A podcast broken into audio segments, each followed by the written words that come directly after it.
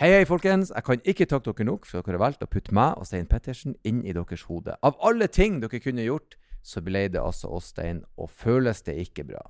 Du, Det er jo alltid bra å være her i showrommet til Bertil Osten i Bjørvika sammen med fine biler, fine folk, og snakke om ting vi liker. Nemlig bil. Og i dag så har vi altså den første Vi har altså hatt en gjest som har designa en bil med norsk ull og kopperplate i chassiset. Han er jo en designstjerne som snakker lavmælt om ganske store ting. Og får han vel rømmebil, så vil han altså velge å elektrifisere et ikon som vil få entusiastene til å krølle tærne i skoen når de hører det. Jeg likte det. Industridesigner, bildesigner Per Ivar Selvåg er gjest i dag, og det var enormt fascinerende å høre hvordan er det å designe noen av de mest ikoniske bilene du ser rulle nedover gatene. Veldig bra prat, veldig interessant. I dag koser vi oss maks. Denne, folkens, er det bare å nyte.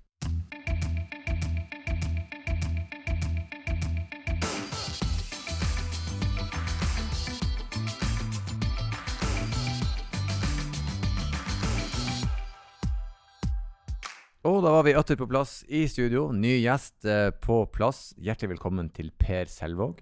Takk. Velkommen til deg.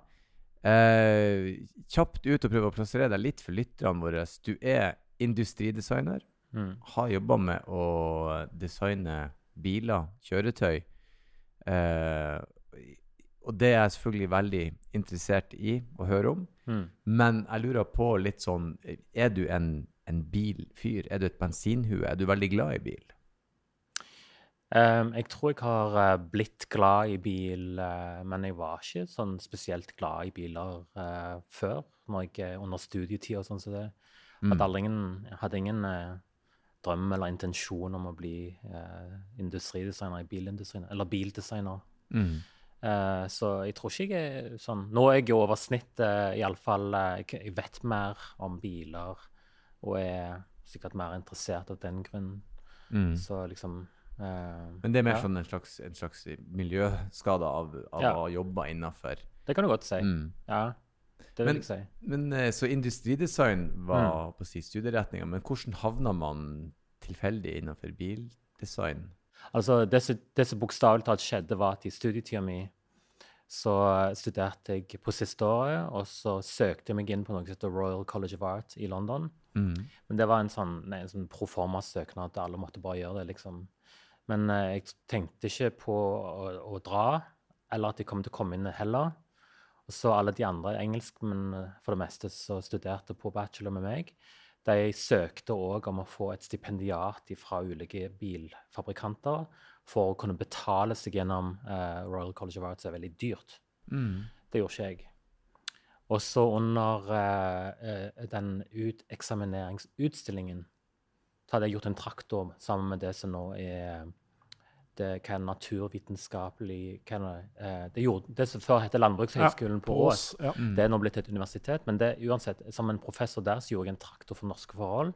Mm. Så kommer det en fyr forbi eh, eh, i utstillingen min en dag, og så stoppet han, og så lurte han på eh, hvem jeg var, og hva dette var. Og så, så kom jeg i prat om prosjektet mitt, og så lurte han på om jeg hadde søkt på eh, The RCA, som du kaller det sånn. Uh, det hadde jeg jo. Og så sa han at uh, hvis du er interessert, så vil vi være veldig interessert i å, å betale for studiene dine. Så det var tilfeldigheten, da. Og min intensjon var som sagt ikke å dra, for jeg hadde ikke råd. Jeg hadde maksa studielån og alt sånt som det, men så betalte de for studiet Mm. og lommepenger og alt det der igjen der. Så da var det ingen god grunn til å si nei. Ja, da kan man like gjerne gjøre det. Ja, pluss at dama mi fra Biri hadde slått opp med meg rett i forkant. og liksom, eh, Det var ikke noen grunn til å dra tilbake og gifte seg med hun, eller bli eh, eh, industridesigner her hjemme i Norge lenger. Mm. Så det var bokstavelig talt det som skjedde. Så det var en, en, et traktordesign som førte deg inn i Ja, bilverden? ja, det var det. Jeg- Så er du er liksom sauebonde fra Vestlandet, så du kjenner til traktorer da i utgangspunktet? Du hadde litt Ja. erfaring med hva Ja. trengs og hva hvordan? Og... Absolutt. Absolutt. Hva var genialt med det traktordesignet? Altså, Vestlands gårder er jo veldig ofte eh, mye mindre enn det, det du ser rundt sånn Mjøsgårder sånn som der som dama mi var fra. Der er det jo store, flotte eh, eh, eh, gårder med lette marker. Altså lette å stelle og, og foredle, ikke sant? Mm. Mens på Vestlandet så er det mye mer det, eh, Terrenget er mye mer ulendt. Og eh, sånn som den øya der jeg vokste opp, der er Det er jo nesten ikke et flatt jord, vet du. Eh, til og med gode jorder er på hell. Mm. Og eh, sånne forhold for å kunne bruke jordbruksareal, eller for å lage jordbruksareal, så kreves det helt andre typer maskineri, mindre traktorer, et større utvalg i maskineri for å kunne komme seg fram. Så det var liksom det som var intensjonen å lage en, en eh, modulær traktor. Sånn jordbruksmaskiner er jo svindyrt. Mhm. Å lage én traktor som hadde et eh, sånn veldig avansert hjuloppheng, eh, eh, hjuloppheng, som kunne forandre stillingen på traktor eh, i skråning. Sånn at du ikke satt eh, i 90 graders vinkel eh, i forhold til eh, moder jord når du kjørte traktoren. Eh, ja, så det var prosjekt. Det var prosjektet Ja, det var i hvert fall nok til at noen tenkte det her er Han her satser vi penger på. Dette er helt Ja. åpenbart noe bra. Ja, altså, eh, det hører vel kanskje med til historien at ingen av de som hadde søkt på den, den studieplassen, eh, eh, fikk tilbudet eh, som jeg ikke hadde søkt på. Eh, så det, det var eh, bokstavelig talt en eh, tilfeldighet. Eh, ja, nei, det er industridesign. Enten du bruker det til Jordan tannbørster eller en sånn fancy ny Citroën eh, C6 står her. Mm. Bruker samme, bruker samme innfallsvinkel og utdanning. Ja, Som er tilnærminga til å løse oppgaven. Absolutt. Ja. Ja, for du sa noe om det. det design er da er, er intensjon om Mm. å Ska, om, om, Skape et noe. visst, ja, om, et, om et gitt utfall. Du har en idé om at noe skal bli akkurat sånn og sånn. mm. Og hvis du er flink til å visualisere det òg, så kan du kommunisere det lettere. Så det, den kombinasjonen der er ganske viktig. da, At du er i stand til å, hvis du har en god idé, kunne illustrere det, bokstavelig talt. Og det er ofte det som gjør at bildesignere blir bildesignere, for de er kanskje ofte veldig veldig flinke på å illustrere eh, et sånt innfall, som jeg kaller det. Mm. Mm. Men du gikk altså på denne skolen Mm. eh, og begynte å jobbe med å designe biler. det. Mm. Hvilke biler, merker har du jobba for, og hvilke biler har du I karrieren. Har du lagd noen biler? Jeg ble litt nysgjerrig. Ja, jeg har det. Jeg har jo eh, Altså sånne greier som du ser på gata av de, så har jeg vel Det er en sånn to-tre BMW-er som jeg har vært med å designe. En 2-3 BMW? ja. Mhm. Jeg gjorde fronten på en sånn modell som, som gikk ut for et par år siden, en 3-serie. Så gjorde jeg hele modellrekka på en 4-serie, den første 4-serien som kom ut. Ikke bare fronten, men hele dingsen, liksom. eh, Så det var to firedør og kabriolet-versjon. Ja. Og så eh, Ja, jeg gjorde en uh, bråde med sånn konseptbiler og et par amerikanske produksjonsbiler som ikke kommer her til Lincoln og sånt. Mm. Og så gjorde jeg et par eh, eh, biler i Frankrike da, mens jeg jobba i PSA for Peugeot som sjefsdesigner. Mm. Så gjorde jeg et par konseptbiler. um, ja, som var ganske greie. Så, så du liksom Mm. Det er bare gøy når du sier sånn Nei, BMW, BMW er ikke ingenting, liksom. Det er ganske, det er ganske kjent merkevare. De er jo ganske Ja, distinkt kjent for nyrene i grillen og liksom jo. Hvordan skal det her se ut? Mm. Det, det må jo ha vært litt, litt sånn press på skuldrene når de sier at lag en modellserie. Mm. Eh, Ja så hvordan går man frem? Hvor man begynner en gang?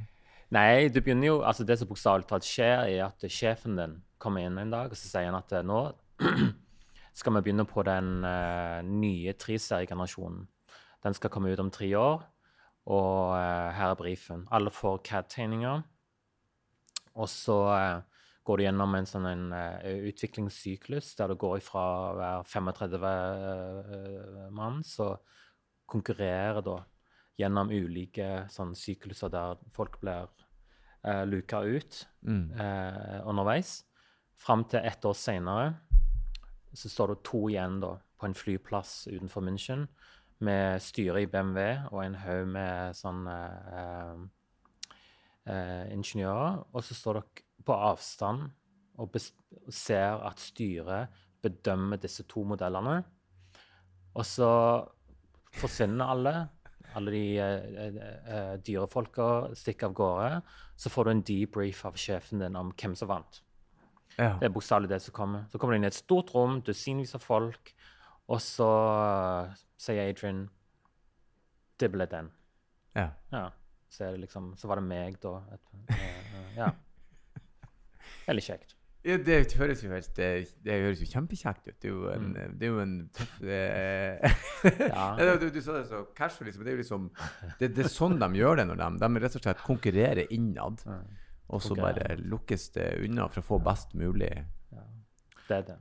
Mm. Men det må jo være det som kanskje er fint med å jobbe Jeg vet jo ikke hvordan det er i andre bransjer, da, men i bilindustrien så er det ganske store avdelinger som jobber med design, sånn at Mm. man er mange, liksom. Kanskje kontra hvis man designer tannbørster for Jordan, da, så er det antageligvis ikke 35 som konkurrerer seg fram til ett. Så det må jo ha vært mange flinke folk og mye ressurser, liksom. Veldig. Veldig. Begge deler. Mm. Mange flinke folk, mange ressurser. eh, altså BMW har jo avdeling, produktutviklingsavdeling eh, på mange ja, altså mange tusen stykker, men akkur akkurat den der delen der som går på design og såkalt design engineering, der er, er det bare noen få hundre stykker som jobber. mm. Eh, ja, nei, det er kjempemange veldig kjekke, utrolig dyktige folk. Eh, dessverre så er det òg sånn at du blir litt innelukka i et slags eh, sånn bilutviklingsunivers fullt av eh, folk som er helt sprø, tussete biler. Uh, og det er alt de tenker på. Og dette er en av de store forskjellene fra si Jordan og si et type BMW. Eh, Jordan er nærmere sånn som industridesign skjer for det aller meste. Der du liksom forholder deg til folk sine tenner. Ikke etter hvor flink designeren er til å lage tannbørster, men etter hva som er rett for eh, eh, Ja, den gjengse eh, tannbørster. ikke sant? Ja. Mens i bilindustrien så har det tradisjonelt sett vært sånn at biler var et- var en luksusgreie. sant? Mm. Så bare noen få hadde råd til i begynnelsen. Og det var liksom da du kasta terningen i den tida der med, med sånn opphøyning av uh, bilutvikling, eller produktutviklingstyper. Sånn legendelaging og eh, ja, veldig sånn myteomspunnen eh, eh, industri. Fordi biler er litt eh, Jeg vet ikke, jeg eh, Det er mer som religion, nesten. Ja. Ikke sant? Ja. Alle bryr seg om biler. Noen tror ikke på biler, men andre liksom eh, er villige til å dø Ja. for bilmerket sitt. Ikke ja, sant? du får en enorm Ja. Noen har en enorm sånn tilhørighet til Ja. Volvo forever, liksom. Ja. Eller Stemmer. Ford, eller hva nå enn det måtte være. Ja. Og så er det jo ikke sånn at uh, antageligvis Jordan tenker at uh, nei, nå lar vi nå lar vi en håndfull mennesker jobbe med å lage en konsepttannbørste. Mm. Mens du har jo lagd konseptbiler som egentlig Mm. er bare for å vise hva som er mulig. ja. Stemmer. Denne Peugeon heter en Onyx. Onyx. Ja, Mm. Ja. er jo et helt Må nesten fortelle litt om Ja, det, for det er en ganske fantastisk si eh, ting, da. Altså Litt sånn som Værmanns Og så lurer jeg på hva er konseptbilen sin rolle, da? på en måte? Mm. Han skal jo ikke lages. Hva er det dere Hva er intensjonen? Det spørs litt hvor du jobber. Mm. BMW er et sånn type firma der du viser ikke et konsept bare på måfå eller fordi det er gøy, Mm. men fordi det sier noe om uh, utviklingsstrategien til selskapet. Så det er dødsens seriøst. Ehm, så ofte hvis du ser en uh, tysk konseptbil, ja, så, er det ganske, så er det ganske sannsynlig at det kommer en versjon av den på gata, veldig nærvannet. Eh, men sånn type I8 kom ut som et konsept, og så kommer de ut med den faktisk noen år senere. Mm. Så alle nye BMW-er, hvis du ser litt tilbake i katalogen i tid, så ser du at å ja, der var det et konsept. Så, eh, så var et, eh, var et uh, signal om intensjon at den skulle ut på gata. Mens de som, du, de, de som jeg jobba med i Frankrike, Mm. det var mer for å eh, få mer opp, få oppmerksomhet rundt merket. Eh, det er òg et, et godt rekrutteringsverktøy, tror jeg. Mm. Altså du lager blest eh, eh, om et merke og det de holder på med i den skarpe enden av produktutvikling. Du får, kan du få masse eh, søkere til produktutvikling på den måten. Pluss du får masse materiale som du kan skrive om. Så, så, når du skal ut og lansere Altså, lansere det er ikke noe som Citroën gjør hver eneste dag, men det holder interessen oppe for merket hver dag mm. hos et type, type Citroën eller Opel eller uh, uh, vet ikke jeg, Ford, så er konseptbiler et veldig virkningsfullt uh, verktøy. Mm. Mm. Men hva var på en måte bestillingsverket fra sjefen din? da? Hva han sa den, var det, På Onyx? Var det, ja. Hva var det som, hva fikk du beskjed om? Hva, fikk du helt frie tøyler til å lage akkurat det du ville? Og hvordan går du frem da? Hva ser du for mm. deg? Hva baserer du det på? Hvor henter du inspirasjon? Det var mye på en gang, men jeg er litt Ja, um, jeg kan jo si hva som skjedde, og det var jo at uh, Igjen så kom sjefen inn en, en dag. Så var jo, jeg hadde jo en avdeling, min avdeling. Men jeg Altså, det er veldig vanskelig å ikke ha en sjef i eh, et fransk eh, hierarki. eh, så da kom han inn en dag sånn sånn uh, OK. Uh, we are going to make a cool concept car for uh, Paris next year. Mm. Sånn. Bom. Og det skal bli en superbil. og så liksom Nå er det opp til deg. Det er veldig kult da, i Frankrike at du får Jeg tror du har relativt stor frihet på jobb til å bevege deg i alle retninger. I hvert mm. fall igjen hos PSA. Det var noe jeg syntes var veldig kult. Men eh, altså, in, in, hos Peugeot Prøver ikke å la dette bli for langtekkelig. Så det, Peugeot er ikke et merke som er kjent for superbiler. Eh, men det er, et, det er, fransk. Og eh, verdenspublikum per definisjon befinner seg stort sett utenfor franske grenser. Så da er hva, altså jeg i mitt sinn tenkte hva er hva kan vi gjøre som er relevant for et verdenspublikum som betrakter et sånt konsept? Så um, jeg tror verdenspublikum generelt blir ikke sånn spesielt eller, eh, imponert over en bil som har en uh, Le Mans eh, V10-motor som går 400 km i timen, eller akse sånn og sånn, 0 til 100. Sånn så det betyr ingenting lenger. Eh, så hvis du ikke har det, så må du finne relevans i andre ting, andre dimensjoner. Og, og liksom, jeg syns eh, sånne ting er veldig interessant eh, eh, eh rent sånn kulturelt. For fransk kultur sitter jo veldig sterkt i eh, sinnene til folk flest. Vi har veldig sterke assosiasjoner, som regel veldig sånn stereotype og klisjéfullt. sant? Men eh, en av de tingene vi assosierer med fransk, franske folk, folk, er jo en slags eh, De flinke eh, på det visuelle, uansett hva vi snakker om omtrent, og særlig på sånn type eh, Ja, altså Materialer, klær, fashion, altså sånne ting som det. Mm. Uh, og det er noe de assosieres med over hele verden. Så den bilen der uh, bestemte vi oss for å, å uh, lage en historie rundt det vi kaller materialitet på designspråk. Mm. så derfor så bestemte vi oss for å f.eks. Istedenfor å polere, eller frese ut, polere alt i aluminium, som er veldig lett og fristende å gjøre for industridesignere i bilbransjen, så bestemte vi oss for å lage et helt annet type sånn uh, sammensurium av, av materialer. Eh, så i seg sjøl kunne være eh, både et blikkfang og ha en, en dypere historie å fortelle. Mm. Så det er derfor panelene er håndbanka i eh, kobber. Og så er hele interiøret er lagd i ja, altså vadmel. Og vadmel er jo, hvis du tenker på det altså Jeg har vokst opp med mor. Jeg, alt jeg har sett hele livet mitt, er mor som strikker. Ja. Eh, alle, til alle døgnets tider.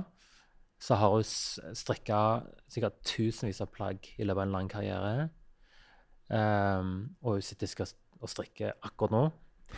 Så det der med ull, det er noe som altså, Nordmenn har et veldig tett eh, bånd og forhold til ull uten at vi går til å snakke om det hele veien. Mm. Så det, ull er jo glimrende materiale. Det støter vann, eller det er vann vannavstøtende, unnskyld. Det er superlett. Det er veldig vakkert. Og istedenfor å bruke lær og lime det rett på en sånn karbontub, så bestemte vi oss for å bruke ull. Fordi det er ikke noe som et tysk firma kunne gjort så lett. Fordi eh, tyskere er litt mer seriøse på sånne ting som det, for å si det sånn. Altså, det er en grunn til at Hugo Boss er tysk. Mm. Sånn, Du får ikke store krumspringer, men du får alltid noe som er veldig sånn vellagd. Og du, du driter deg aldri ut hvis du går med Hugo Boss eller kjører en Audi. Mm. Mens med franskmenn så har de aldri vært redde for å drite seg ut. Sånn som den CX-en som står her borte, er et mm. fantastisk eksempel på.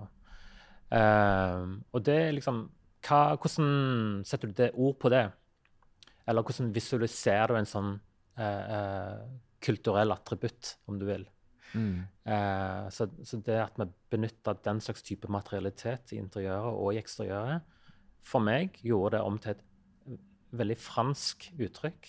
Så jeg tror resonnerte utenfor de franske grenser, om ingenting annet.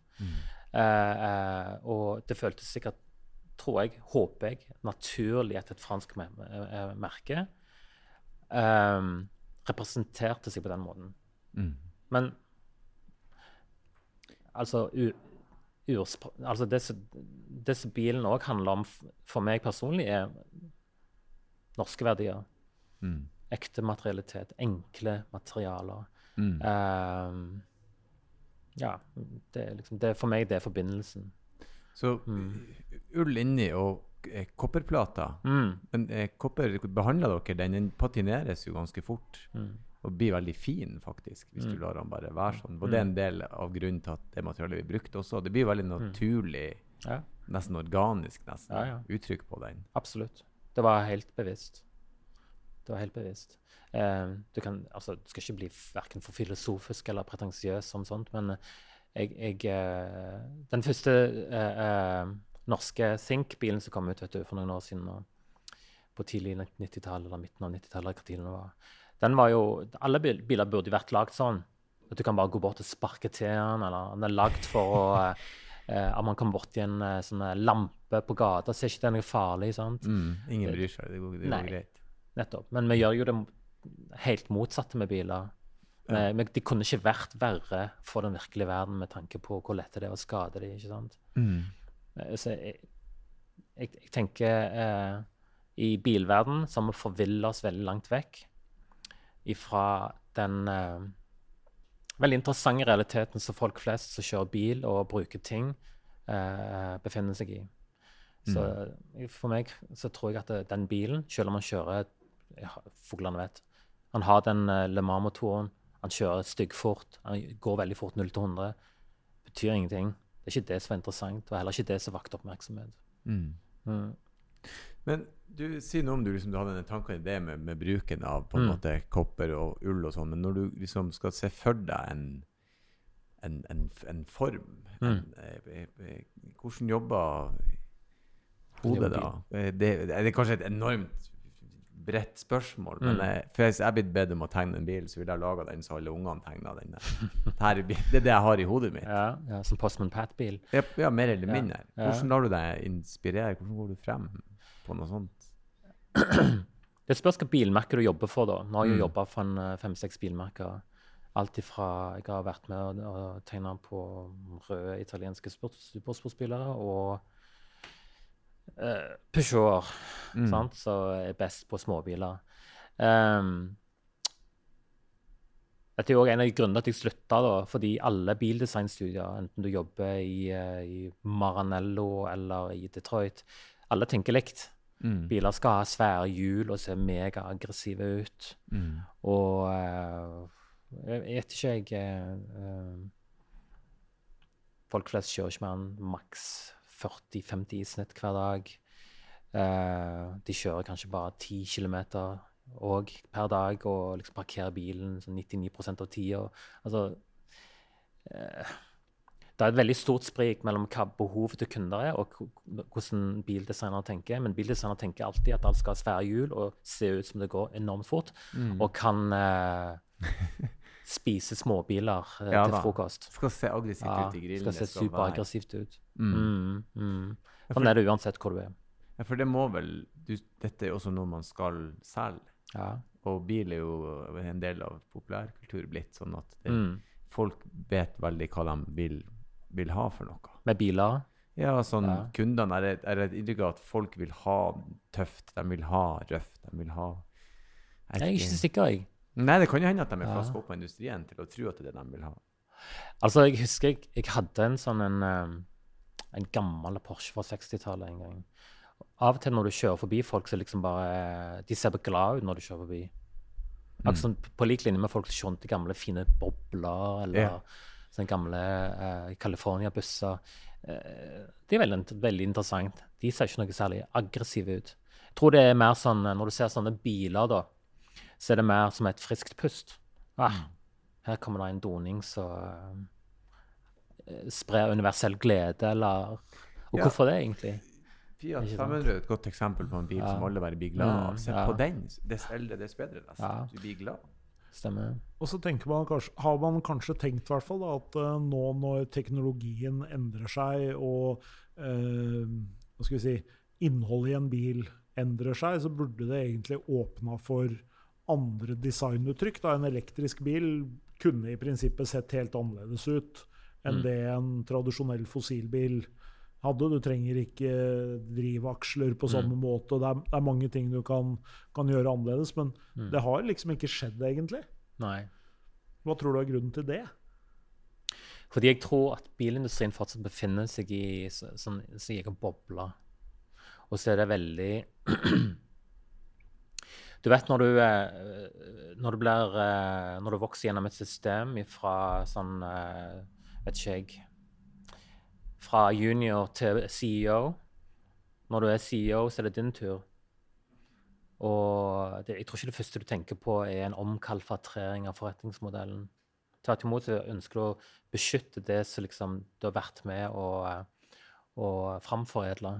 Og jeg tror at bilindustrien i dag er fortsatt er veldig der at han ennå ikke har tatt inn over seg ehm, eh, at det er folks behov som bør stå sentralt. Ikke bilfabrikantens behov om å vokse og bli større, eh, selv om man har veldig mange sånn innebygde essensielle funksjoner for et samfunn, sysselsetter veldig mange folk, og eh, folk syns det er gøy, og vi trenger transport etc., ikke minst. Men altså Folk flest bryr seg ikke så mye om biler som bilfabrikanter tror. Og det ser du for eksempel, Jeg syns et veldig godt eksempel på dette er når BMW lanserte en veldig radikal 20-serie for, for 20 år siden akkurat nå. Og var, alle var enige om at det var den styggeste BMW-en de hadde sett noensinne. Alle, alle, ikke sant. Eh, eh, og så hadde det dette den første eh, versjon, generasjonen av iDrive med nesten 1000 klikk. Eh, eller meny, menyfunksjoner, individuelle. Og alle skulle kontrolleres med ett hjul som skulle fram og tilbake. Og venstre og høyre. Og det, den mest, det var den mest suksessrike 7-serien eh, eh, når den gikk ut eh, eh, og ble erstatta av den, den som kom etterpå, noensinne. Og det var ikke fordi at det var sånn flott bil. Det var fordi det var en BMW. Og det syns jeg er mye mer interessant. Og hvis du, hvis du jobber i den bransjen, så tror jeg at det, den slags type innsikt, eller den slags type spørsmål som burde komme fra noe sånt, er hvordan er det folk egentlig ser på oss? Vi kan, lage, vi kan jo gjøre hva som helst med, og så selger vi det så, så hakka møkka likevel. Og det sier noe, noe som er mye viktigere for en bilfabrikant, er f.eks. hva slags sosial status gir vi kundene våre? Det er et helt annet spørsmål enn er dette en veldig flott 7-serie. For det, jeg tror når du kjøper en 7-serie BMW, så tar du det for gitt. Et, dette er et kvalitetsprodukt. Du går ikke, an du går ikke og inspiserer sømmene eller hører på V8-en. Du tar det for gitt. Men det som er viktigere, er at nå kommuniserer jeg at jeg har veldig god råd. Eh, jeg har staselig smak. Dette er en bil som liksom Å ja, du kjører sånn, du. Jeg, det, jeg kan klask BMW-nøkkelen på bordet, liksom. Du trenger ikke si så mye heller, sånn, for da er liksom implisitt at det er. Ikke sant? Ja. Det er det som solgte mer av den stygge BMW-en. Ikke at han var så veldig bra, at det var et eh, sånn teknologisk eh, sånn eh, lokomotiv. Og sånn er det med alle biler, føler jeg, da. Folk Nesten Ja, litt sånn keiserens nye klær, da. Det er nesten som det eventyret om han keiseren som gikk i værræva, for tøyet var så fint. Folk, det, det er litt hypen, det er litt imaget, det er litt følelsen du får når du setter deg i bilen. Det er liksom Ja. hele den biten. Er det Ja. derfor vi har biler som i utgangspunktet Du var jo litt inne på det. Hvis du er industridesigner, du skal jo lage det mest praktiske, velfungerende. Vi burde jo hatt biler som ikke ble ripa, og som tålte masse, og som tok lite plass. Men i stedet så har vi sånne smykker. Mm. Sånn at det er form og funksjonalitet Mm. det velges bort for Mm. ja, statusen. Det gjør jo noe med designet, selvfølgelig. Ja. Men du vet, hestekrefter eh, er litt sånn som sukker. Mm. Får aldri nok. Så du så den Lucid, den der Luciden som kom ut på, på Pebble Beach nå med 1200 hestekrefter. Mm. Og så er det en miljøbil. Ja. Ja da. Ja da. Jeg- Vi, vi gidder ikke å begynne å diskutere den, men du skjønner, altså, Ja. det er jo veldig absurd. Men det er også veldig kynisk, fordi um, det, fra et sånn eh, merkevarebyggingsperspektiv uh, så er det absolutt den rette tingen å gjøre. Mm. For det er så mange folk som har den der syvserie-holdningen at eh, du kommer deg over denne kneika med at jo dyrere det er, jo bedre er det. Mm. Det, er handler ikke om jeg har råd lenger over en viss, et visst eh, sånn, Mm. eh, prisnivå. Mm. Da er det mer sånn at det er derfor f.eks. Range Rover eh, strever litt. De er verken steindyre eller bare akkurat dyre nok. Mens Bentley de selger jo òg som såkalt hakka møkk Mm. eh, i sin priskategori. Fordi eh, sånne folk som ikke vil menge seg med sånne Range Rover-folk, de kjøper Bentley fordi du kan få to eller tre Range Rover for en Bentley. ikke sant? Mm. Liksom, Mm. Folk tenker mer sånn enn de tenker 'Å, oh, en Bentley'. Hm. Men den har jo så mye bedre grensesnitt, eller lyden i døra er så mye bedre, eller motoren har så så mange finere eh, kvaliteter enn den i Range Rover. De tenker ikke sånn, Mm. som oftest. Mm. Ikke sant? Farlig å helt. Men biler er veldig rart. Mye mer interessante sosiologisk, synes jeg, enn de er ofte teknologisk. Mm. Ja, for på et visst nivå så er de jo såpass lik kvalitetsmessig at da er det den andre pakken du betaler penger for. for den Ja. sosiale statusen. Jeg vil ha en Rolls-Royce Phantom. Jeg er han fyren som kan kjøpe det, liksom. For da er det noe annet enn Ja, enn det der igjen. Ikke nødvendigvis en bedre bil. ja jeg tror det. Og Derfor så ser vi jo nå også en tendens i bransjen da, til at uh, ja, f.eks. Uh, Range Rover, Jaguar og sånn, de skal jo nå opp. Mm. Skal selge færre biler, dyrere biler. Og så Mm. er det noen som skal fylle det rommet som er under. Da. Så det er jo en sånn Mm. dynamikk på en måte i dette. Men uh, det var jo helt rett. Ja. Eh, eh, jeg er litt spent. Er, har du en, et, en bil som du Et, et favorittdesign? Ikke nødvendigvis noe du har laga sjøl, men en bil som du så rent designsmessig tenker dette er min. Har du en absolutt favoritt? I så fall, hva er den, og hvorfor, hva er det som gjør at du liker den så godt? Siden du nå er designer. Nei, Det er såpass mange kule biler. Jeg synes det, det er så mange utrolig eh, geniale bildesign. Ehm, altså Jeg liker veldig godt uh, gamle Citroënger, det må jeg si. Mm. Uh, og den der som står der, er jo en av mine absolutte favoritter. Uh, eh, jeg skulle gjerne hatt en sånn en dronning. Det der, Stein, er en full modellbetegnelse. Ja, det er en CX, da. En, Prestige. En Prestige. altså Det er jo i tillegg en lang CX. Mm. Men uh, dette er jo Og disse Citroën-designerne som lagde den som da heter DS, eller Mm. Padda, da, og, Mm.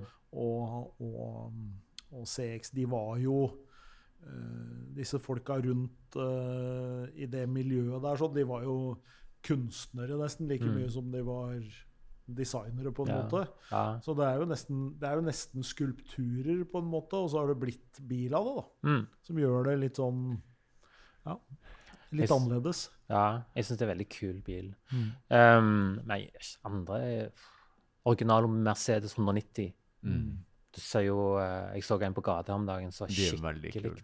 Strøken, Ja, eh, ja. helt sånn, ikke, ikke tulla med, bare helt original i god stand. Det er kul form, det er en kul bil. Ikke aggressiv heller. Mm. Nei, han er ikke det i det hele tatt. Og faktisk. så så utro Han er tidløs. Han kunne vært fra i år. Hvis du hadde bare gitt han eh, litt mer sånn oppdaterte felger, og sånn, så kunne det glatt vært en bil fra 2022. Mm. Uh, nei, eh, Ford Sierra, den aller første som kom ut. Fantastisk design. 280. Oh, ja. For et design. Så, så uh, uh, sånn nytenkende. Ja. Vi lurte jo på hva det var, liksom, når den Mm. kom. Ja, Hva er, genial det, de- hva er det de kampanje. gjør nå, liksom? Mm. Ja. Jeg husker jeg var, en liten gutt da, men jeg husker bare den, det så ut som et romskip, Ja. synes jeg. Ja. Sammenlignet med sånn som biler så ut på den tiden. Ah. Jo, men det kan jeg huske jeg var kid. liksom Citroën, og som Se den der! Det er noe helt annet Mm. enn de andre bilene. De, Ja. de, de andre bilene er ikke i nærheten engang. Så synes det et romskip. Svær, flat, litt sånn kurver. Hva, er det jeg ser på her, Ja. egentlig? Eh, ja. Det er få sånne biler nå i dag. Jeg syns bilene blir eh, De ligner ganske mye på hverandre. ja, det gjør det. Hva tror du som er grunnen til det? Du jo, har jo en fot inni Ja, altså nå, når du begynner å referere hvordan det var tilbake den gang du var ung sjøl, så liksom du, du forgubber deg sjøl. Men jeg, jeg, tror, jeg tror når jeg eh, Når jeg begynte å studere industridesign, altså når jeg tilfeldigvis ble bildesigner mm. Så nå skjønner du, det var jo en ren tilfeldighet. Mm. Um, hvis du ignorerer alt det harde lå bak. Um, så eh, det var på, den, på, den, på det tidspunktet så var det, det var utrolig vanskelig å bli, å bli bildesigner, fordi det var relativt mange som søkte. Mm. Det var ikke så mange jobber. Det var, det var Ryktet lå at det lå mellom 15 og 20 jobber i hele verden på årsbasis. I dag så tror jeg du kan få en jobb eh, mye lettere. Og så er det mange flere universitet som uteksaminerer sånn spesial eh, Eller sånn eh, spesialister på, på bildesign. Eh, I dag er det òg Det er blitt mye mer sånn industrialisert. Eh, mytene henger bitte litt igjen ennå. Og det er veldig sterk konkurranse ennå om jobbene, men det er mange flere jobber. Og så er det mye mer sånn at folk flytter rundt omkring i verden. Så hvis du har jobba her ett år, så jobber du der neste år, og så liksom er det ikke bare du, men 1400 andre som holder på sånn. Så Mm. blir det sånn, tror jeg, til slutt, at eh, biler får et mer og mer homogent sånn eh, visuelt uttrykk. Mm. Eh, det vil jeg påstå er faktisk sant. At biler ser veldig homogene ut i dag Mm. eh, i forhold til det de gjorde før. Det er fordi så henger seg sånn opp i grillen sin, fordi det er liksom der identiteten ligger. Det ligger ikke i uh, Men det, det husker jeg ennå når han ene fra Aston Martin dro til Ford eller noe sånt. Og det var liksom drar han dit. Og så så du Ford like etterpå. Oi, her ser man jo at Mm. den er begynt å Altså det designspråket kjenner Ja. man igjen. Ja. Så det er å folk flytter på seg, og de drar med seg, og så blir det Ja, jeg tror det. Og så er bildesignere veldig usikre, så de liksom tror at først er noe så er hot en plass, og eller så så lett å stjele det, er ingen som merker det, eller mm. uh, Det skjer mye sånt. Mye, mye innavl, og så er det veldig mye sånn uh, kopiering av kule ting. Mm. Mm. Men en ting som er uh, interessant tror jeg, for mange nå som, som kjøper bil, og som jo er litt opp mot en del av de tingene som du har jobba med de, de seinere åra, liksom, det er jo dette som ligger i hva skal vi si eh, ja, Sånn interaksjon da, Mm. mellom eh, sjåfør og bilist, eller mm. sjåfør og Nei, sjåfør og bilist. Sjåfør og bil. Ja. Altså at eh, eh, Hvordan vi finner fram på skjermer. Er det bra med store skjermer? Er det skummelt? Er det, er det litt rart at vi fortsatt at når du setter deg inn i en bil, så ser det egentlig Jeg har jo en 69 Kadett. Mm. Det er ikke så veldig stor forskjell fra min 69 Kadett til min 2022 Wrangler. Det er eh, noen sånne digitaldisplayer, og ellers så er det jo ganske likt. Mm. Men eh, hva er det som eh, er, det sånn at den måten vi kjører bil på i dag, er det den optimale måten? Er det derfor det fortsetter å se helt likt ut, eller burde man ha jobba mer der? Du mener at du syns ikke, ikke biler har utvikla seg fra et sånn brukergrensesnitt, eh, noe sånn spesielt på Ganske 50 år? Ganske lite, egentlig. Ja. ja, i bunn og grunn så er det jo det. Ratt, pedaler eh, Nå er jo alle biler automat, men at det liksom det der, samme funksjonene med varm, kald luft og radioen på eller av, type ting. Alt sitter jo akkurat sånn som det Ja. gjorde Mm. før. Mye av det der går jo på sånne ISO-standarder og, eh, og ergonomiske eh, lover og regler. At f.eks. gitte funksjoner, som, som basisfunksjoner, skal være innenfor eh, hånds rekkevidde. Så det, det setter mye av layouten, da. Så hvis, du, hvis vi endelig får autonomi en vakker dag, så kan jo det hende at det da vil du se en radikal forandring eller endring på det. Men enn så lenge en bilsjåfør er litt sånn som en pilot i et fly. At uh, du skal ha Det er regler for hvor du kan plassere ting, som forklarer litt av, av uh, likheten mellom biler som er 50 år uh, ifra hverandre. men skjermer forandrer jo en del på ting. der får du jo helt nye spilleregler igjen.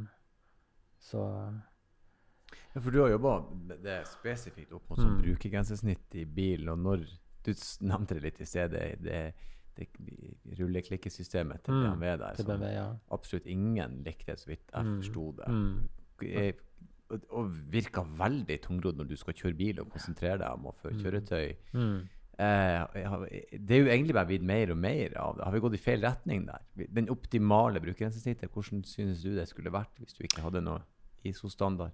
Ja, jeg tror det er nærmere Steinsen Kadett enn det er f.eks. en Tesla. Det er det, ja. Mye nærmere. Ja. Kadetten gir deg jo anledning til å uh, lagre i minnet ditt hvor funksjoner, fungerer, hvor funksjoner er.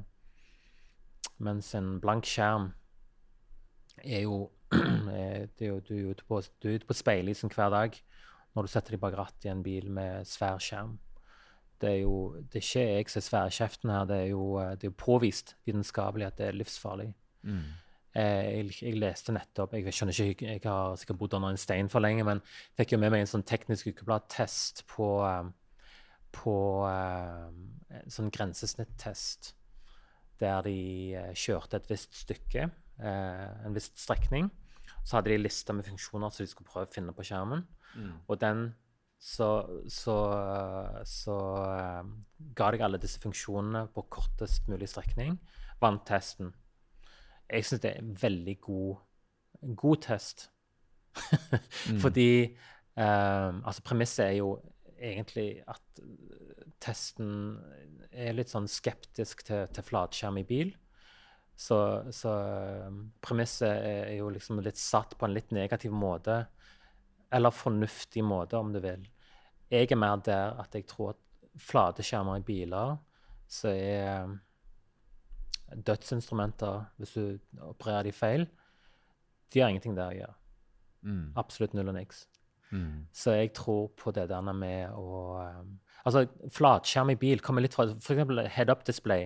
Mm. Det er noe som kom uh, i Det var det britiske luftforsvaret som fant opp på, på 50-tallet.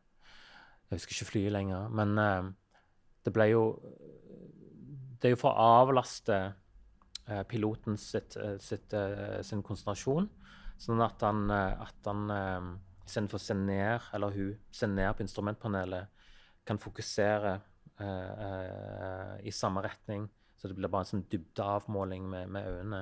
Mm. Eh, at du trenger ikke se opp og ned. Sånn et, et, sekund i et fly, så har du plutselig lagt bak deg, bak deg en kilometer. ikke sant? Mm.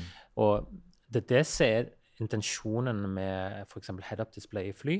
Fordi vitenskapen viser at mennesker har veldig begrensa så, sånn, eh, evner til å fokusere kognitive funksjoner. Mm. Og det er bilen et veldig godt eksempel på. Så hvis du tar hendene eller øynene av rattet for å justere på temperaturen eh, mm. et, Det skal ikke mer enn et sekund til, så ja. har, har, et eller annet skjedd. Og det skjer jo. Hele tida, faktisk. Det, hvis du kjører i 80, så beveger du deg 22 meter per sekund. eller ja. hva det de sier. Det er klart, ja. Hvis du ser vekk i tre sekunder, så har du forflytta deg. Eller ja. fire meter. Ja, Du beveger deg langt, kan vi si. Så det er klart, hvis du flytter blikket, så er det farlig. Og spesielt nå når folk har Netflix på de mm. skjermene der, og, mm. og, og, de har mobiltelefoner i tillegg, så, mm. der du kan få tekstmeldingene fra mobilen opp på skjermen. Så du begynner ja. å svare på en tekstmelding. Mm. Det er jo betenkelig. Ja. Nei, du må ikke snakke om det der. Jeg blir bare helt jeg ble sint og frustrert. Vånbroten. Ja. Fordi at uh, etter hvert, da, selv om du kan si at uh, iDrive kanskje var ikke var optimalt i versjon 1, da, mm. så har det jo kommet versjoner der fra flere fabrikanter som, som, jo etter hvert blir sånn at du husker Du vet at radio mm. er den knappen til høyre, mm. og så er det telefonen er den til venstre, og så vrir du der, og du har volumkontroll der, og da kan du gjøre det uten å tenke. Da kan du bare slippe ned hånda, og så gjøre det, liksom. Mm. Men hvis du skal inn på skjermen, finne menyen, gjøre det Det er jo en uh, utfordring, absolutt. Ja, Så liksom. Det, det er det. Uh, nei, jeg håper, håper det forsvinner. At uh, skjermer blir erstattet av bedre teknologi. Mm. Lurere teknologi. Mer menneskevennlig teknologi. Mm. Mm. For det fins. Uh, kadetten din er et veldig godt eksempel på det. Ja. Ja. Det, det er begrensa hva du skal finne på når du kjører bil. det er faktisk et veldig godt poeng. Ja. Det er begrensa hva annet du skal gjøre. Nå kjører du bil, og det er egentlig nok Ja, sånn i utgangspunktet. ja. Men det er nå ikke engang sånn. Det, det, det, det er um, Det er jo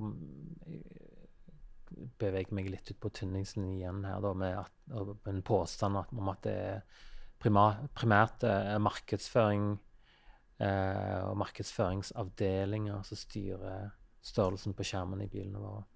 Og liksom måten det blir det sprer rundt seg på. At det, noen har det, så derfor så må vi òg ha det. Mm. Enda Mm. litt større, gjerne. Ja. Mm. Ja, for det tok ikke lang tid etter første bilprosenten bilprodusenten hadde det, før plutselig alle ja, hadde det. stemmer det. Selvfølgelig. Mm. Hva var din første bil, da? Uh, Mini Cooper var det vel. Mm. Bra bilde. Ja, bra bilde. Før, på å si, før BMW kom inn i bildet, eller Ja, det var når jobber jobba for de som sponsa studiet mitt på den andre berømte engelske skolen. Det, ja, en ekte Mini Cooper. Ja. Liksom. mm. Det er veldig kule biler, da. Ja, det var det. Det var den uh, siste generasjonen før uh, den helt nye Mm. Mini, Mini One. under BMW. Ja. Ja, stemmer. Ja. Mm. Biler blir glad i det. Farlig å krasje igjen, men ellers fin bil. Så veldig kul ut. Det òg. Jeg, jeg, jeg, jeg syns de gamle der er kulest, uten tvil. Det er jo det er noe helt eget med dem. Det er noe sånn erkebritisk opplegg der. Kjekke å kjøre. Mm. Det er jo Du kjører. Ja, det er gokart. Det er en bitte liten Ja. små hjul og veldig direkte. Ja, det er det. Virkelig. Mm. Liker du å kjøre biler, eller liker du best å tegne biler? Jeg liker å kjøre bil, jeg. Biltur er en veldig god måte å, å ehm, jeg, jeg elsker å kjøre eh, Vestlandet, f.eks. Mm. Nesten hvor som helst. Det er vel Du skal være Nei, det er umulig å være uheldig når du kjører bil på, på Vestlandet. Det er ingen stygge plasser. jeg tror hvis du er på, på biltur i, på Vestlandet eh, Eller jeg sier Vestlandet der jeg kommer fra sjøl, men eh, det er så vakkert å kjøre bil rundt omkring. og Det er en veldig god måte å, å eh, eh, nyte landet på. Mm. Så hvis du har en fin bil, eller en god bil, så er det òg en god måte å, å nyte en god bil, en kjøreopplevelse på. Liksom, god symbiose. Så du er absolutt en av de som kjører en, tur med bilen bare for turen sin del? Du, Det kan du- jeg gjøre. Ja. Ja, ja. Nå har jeg fire unger nå, da, så det er litt vanskelig å kjøre for langt. Ja. Ja, ja jeg, Da er det begrensa. Eventuelt kjøre uten ungene, da. Da kan det jo være Ja. en fordel. Rolig. ja, Ja. ja. Fire barn er mye Jeg har tre i bil, og det holder i massevis. De, uh, det blir stopping, og det blir iPader, og det blir Ja. is og ispapir. ja, ja. det som hører med. Har begrensa utvalget ditt av biler litt da, ved å ha fire barn. ja det har det. Veldig. Angrer på at du ikke designa en eh, litt fet sjuseter. En fet minivan, finnes det egentlig? En fet sjuseter? Nei Det er sånn uh, lipstick on a pig-type eh, scenario. Jeg tror ikke det er vits i å sette fete hjul eller ha en lekker farge. Eller, jeg er ikke den uh, typen som syns at uh, det er blir heller en multipla enn en, uh, en ja. noe annet. Jeg hadde en multipla, det er jo en dritkul bil. Um, men eh, nei, jeg. Du kan ikke Du kan ikke Biler er det de er. Og en minivan er en minivan. Og du Ja. skal ikke prøve å late som om det er en femserie, liksom. Ja. Så jeg er, jeg er veldig der, da. Jeg er enig med deg. Man må bare svelge den kamelen en periode, og så Ja. blir det det det blir. Ja, det stemmer, det. Jeg, jeg hadde en, en, en Nissan Qashqai pluss to syvseter de årene. Ja. Og jeg, jeg var Han virka, men ble, kjørte, den brukte jeg ikke å kjøre tur i. For det følte jeg at den gir Den gir meg ingenting, den, akkurat den her. da. Men Nei. eh, den fungerte. Det er som du sier, det er det det er. ja Egentlig en veldig fornuftig måte å se på det. Derfor folk kjøper Nissan. ja, ja, Funker. Funker bra. Ja, funker. Ja. Det er ikke sexy, og det, du føler deg ikke bra, og det Nei. føles ikke godt. Det funka. Ja.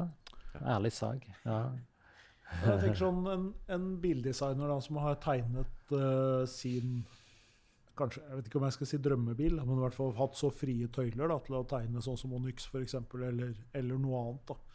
Har du en, uh, har du en drømmebil? En drømmebil Ja, for meg. Bil, ja, hvis, du, hvis du fikk uh, Euro-jackpoten gikk inn 977 millioner. Uh, Mm. Du kan kjøpe hvilken bil du vil. Eller kanskje Eller to Eller eller, tre, da. Men Ja. ikke, kanskje ikke, ikke 150, men eh, Ja.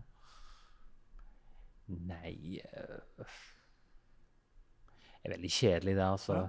Veldig kjedelig. Jeg tror jeg hadde kjøpt en Jeg tror jeg hadde skaffa meg en uh, gammel Porsche igjen, og så putta en uh, sånn elmotor i den. Ja. Nå er det mange Porsche-folk som krøller tærne her. Ja, ja, ja. Men jeg liker det. Hvor, hvorfor elektrifisere Jeg hadde en, jeg hadde en, og den fikk gjennomgå veldig mye uh, i mine hender. Og eh, han oppførte seg alltid helt prikkfritt. Jeg kjørte han fra Sør-California gjennom eh, 40 grader i ørken og snøstorm over, over mot Denver gjennom de der Rocky Mountains. Mm. Og så tre dager med striregn i Midtvesten. Skjedde aldri noen ting. Det funka så bare det. Steingod sæder til og med. Mm. Eh, så det er liksom sånn Jeg opparbeida meg et slags eh, kjærlighetsforhold til, til merket på den måten. Mm. Så jeg syns det var en veldig god, god bil, og så var det en kul bil òg. Men hva er det som gjør det 911-designet så Det er litt er det, interessant. er, det, er, det, er, det, er det kulturelt, eller er det noe Er det noe med designet som sådan liksom, som gjør at det appellerer så utrolig sterkt til oss? da? Det er veldig bredt. Akkurat Vi har, vi har sikkert vi har hatt 50-60 gjester i denne podkasten her. Som Alle ser. Porsche. Alle, ja, veldig mange, i hvert fall, Ja. gjør jo det. Ja. Eh, Altså, jeg er jo dønn ærlig, da. Jeg kunne tenkt opp eh, en haug med sånn eh, sære bilmerker for dere, eh, men jeg, det er liksom det jeg eh, Ja, dønn ærlig. Den, jeg kunne godt tenkt meg en sånn. Jeg hadde vært så fornøyd. Det finnes jo kjempemange eh, mye finere biler, mye sjeldnere biler, mye raskere biler, alt det der greiene der. Men uh, uh, hva er det med Porsche? Jeg tror at Porsche fra uh, Fra de begynte fram til i dag, sånn, sikt, sånn sakte, men sikkert, har opparbeidet seg et enormt sånn kvalitetsstempel som bilmerke. Mm. Alfa Romeo i dag for eksempel, er jo egentlig bare en ruin av det det en gang var. Eh, mener, det mener jeg, da. Mm. Uh, og de har liksom Porsche blir bare bedre og bedre kvalitetsprodukter. Mens for andre så går det bare motsatt vei. Uh, Men det er jo mange ikoniske Alfa Romeo. ja, visst, visst. Men de har alltid vært temperamentsfulle. Mm. De har aldri funka helt sånn som de skulle. Og, men de har alltid vært veldig pene og kule og attraktive. Mm. Men eh, ja, jeg vet ikke. Porsche har vært sånn uh, bil så Så- Jeg tror det er en appell i at det, uh, eh, eh, at det går an å skaffe seg en Porsche, f.eks. Jeg syns også de er veldig konserve. De endrer jo svært sjelden. Jeg ser jo ikke forskjell på Mm. 80, 90, S og det, det er en Porsche. Mm. Og de, de er veldig like hverandre. Det er, liten, det er lite spenn i modellene. Mm. Ja, tror om det er bevisst fra dem at det skal være gjenkjennbart. Ja, det er vel kanskje heller det at de har klart å Altså Det er jo noe med å klare å beholde en, en profil. Som, til tross for Hvis du setter du en eh, Hvis du setter en 912 ved siden av en, eh, en ny, helt spiller ny eh, 911 nå, liksom, så er det Mm. klart at det For det første så er den jo kjempesvær, den nye bilen.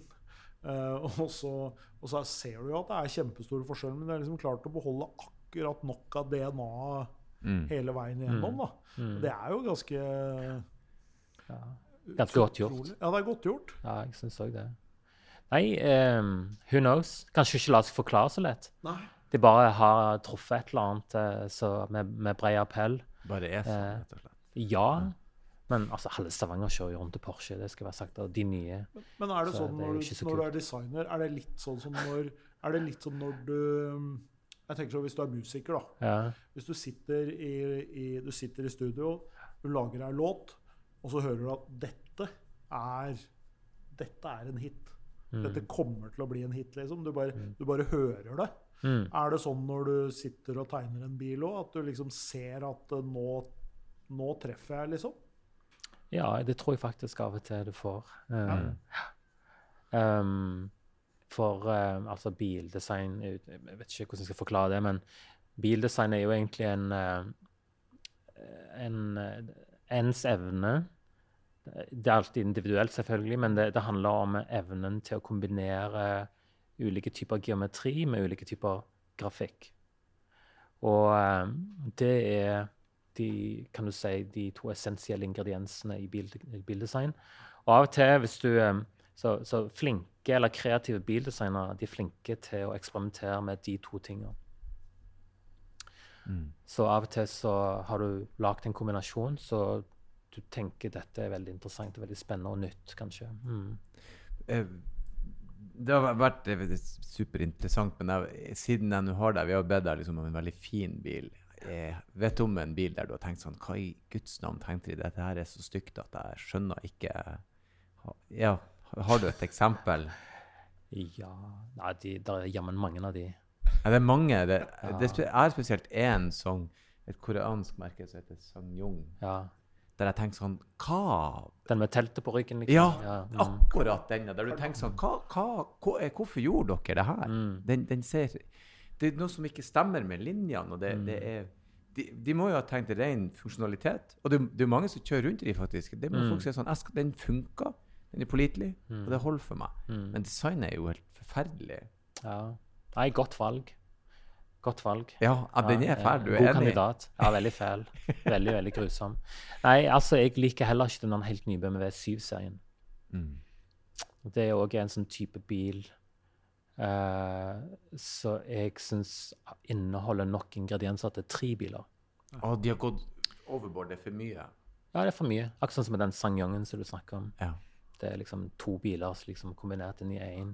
Ja. Så må de leve litt sånn ja.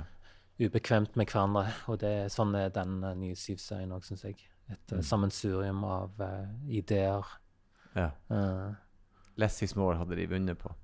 ja, iallfall for meg. Mm. Ja, for det er jo noe med disse ja, Det er jo noe med grill har jo liksom vært en greie nå i ganske mange år, hvor det liksom har vært Mm. veldig sånn definerende hvordan bilen skal se ut. Mm. Og så har de vokst og vokst og vokst. Og vokst, og så, og så får du også noen sånne biler hvor Ta Alfa Romeo, da, som er nydelige biler. Men de er jo ikke designa for å ha skilt Ja. foran. Det skiltet ødelegges Og, så, så, og, og det er jo veldig få land i verden hvor du kan kjøre en bil uten skilt foran. Mm. Selv ikke i Italia kan du Mm. gjøre det. Så det er jo en rar ting å gjøre. Men har, Mm. er det da er det liksom designerne som har fått tatt overhånden, liksom? For du, du måtte jo tenke at det skulle være en skilt i fronten av den BMW 3-serien som du skulle lage. Mm. Ja, det kan godt hende designerne. uh, ofte er det designerne som Ja. pusher ting. Det er sant, det. Ja. Og ingeniørene ser jo bare veldig sånn eh, De ser bare på rammene. Mm. Og de har veldig Det er ikke alltid de har sterke meninger om, om en tolkning. Designere tolker jo alltid rammer, prøver Mm. å pushe de. Så ja. Nei, det er litt uheldig når ting ikke faller sånn naturlig sammen. Uh, så det er overraskende mange inns, eller sånn innfall uh, i uh, bildesign, må jeg si. Og så skal det jo industrialiseres, da, som vi Mm. snakka om. Så det er jo ikke sikkert en, en taklinje eller en måte å montere en dør på Mm. kan gjøres i praksis, kanskje. Ja, så da må man ofte. bryte det med ingeniørene, da. Ja, det må du. Jeg syns den 7-serien som sagt, den er, vil jeg trekke fram som et spesielt godt, moderne eksempel på, på uh, hva som skjer når du uh, Når ting ikke faller seg naturlig i et stykke industridesign. Det ser ikke ut som dere to herrene har fått dere har, har sett nærmere på den. Oh, jeg har sett den. Ja. Jeg har sett den. Jeg må ja, si at jeg, jeg, jeg var veldig veldig fan av BMW rundt E E30, E36-tida, 80-tallet, 90-tallet. Mm. Og så ramla det litt av. Jeg syns de mista en del av det som Men det handla om at jeg var en ung mann da. Jeg hadde en E30 og hadde en E36. Jeg hadde vel Mm. en E49 òg. Men så syns jeg de har mista det som gjorde dem til BMW, som ligna på de gamle Mm. BMW-ene. Mm. Og nå er det, det er jævlig mye grill der, og det er mye, det er mye som skjer. Ja, det er det. Eh, så når jeg så den nye elektrifiserte SUV-en deres, så tenkte jeg nei, jeg er ikke med på den der. Mm, nei. Her er det litt for mye som skjer for meg. Eh, der liker jeg bedre når jeg ser at her er det som jeg likte med den initielt sett. Mm. For de har laga en del vakre biler, det har de. De har det. Ja, de har det. nå tenker jeg at mm, det er til og med komprimert M3-en til en sånn liten kloss. Hva er det her for noe? Dette er helt feil for meg. Ser bare rart ut. Så, men eh, ting endrer seg jo. Ja, Så de den nye det. Har jeg ikke sett. Men eh, jeg, tar jeg skal stole på deg på at den eh, ser helt jævlig ut. ja. Nei, jeg syns enkelte ting var bedre før, iallfall. Det, Mm. det, biler og bildesign og sånt var bedre før. Mm. Bedre, bedre avbalansert mot sånn verden rundt oss. Og brukergrensesnitt. Og brukergrensesnitt, vil jeg påstå. Eh, Det er egentlig en, en, fin linje å, å, å, runde av på. Det var utrolig hyggelig at du kom innom. Jeg fikk svar på masse av de tingene jeg lurte på. Jeg møtte en vassekte bildesigner i dag, Stein. Det er ikke dårlig. Og med, eh, med brukergrensesnittet i bakhodet så avslutter jeg sånn som jeg alltid gjør, og sier takk for besøket, og kjør forsiktig. Takk for meg.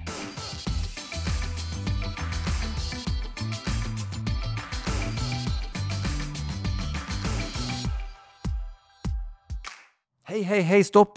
Det er ikke ferdig ennå. Ikke skru av. Det er bare jeg som hiver meg på og ber dere om følgende. Hvis dere vil ha gjester, hvis dere vil komme med kommentarer, hvis dere har spørsmål, bruk endelig vår e-postadresse som er bakrattet.bos.no. Bakrattet.bos.no. Ta kontakt, og ikke glem å kjøre forsiktig.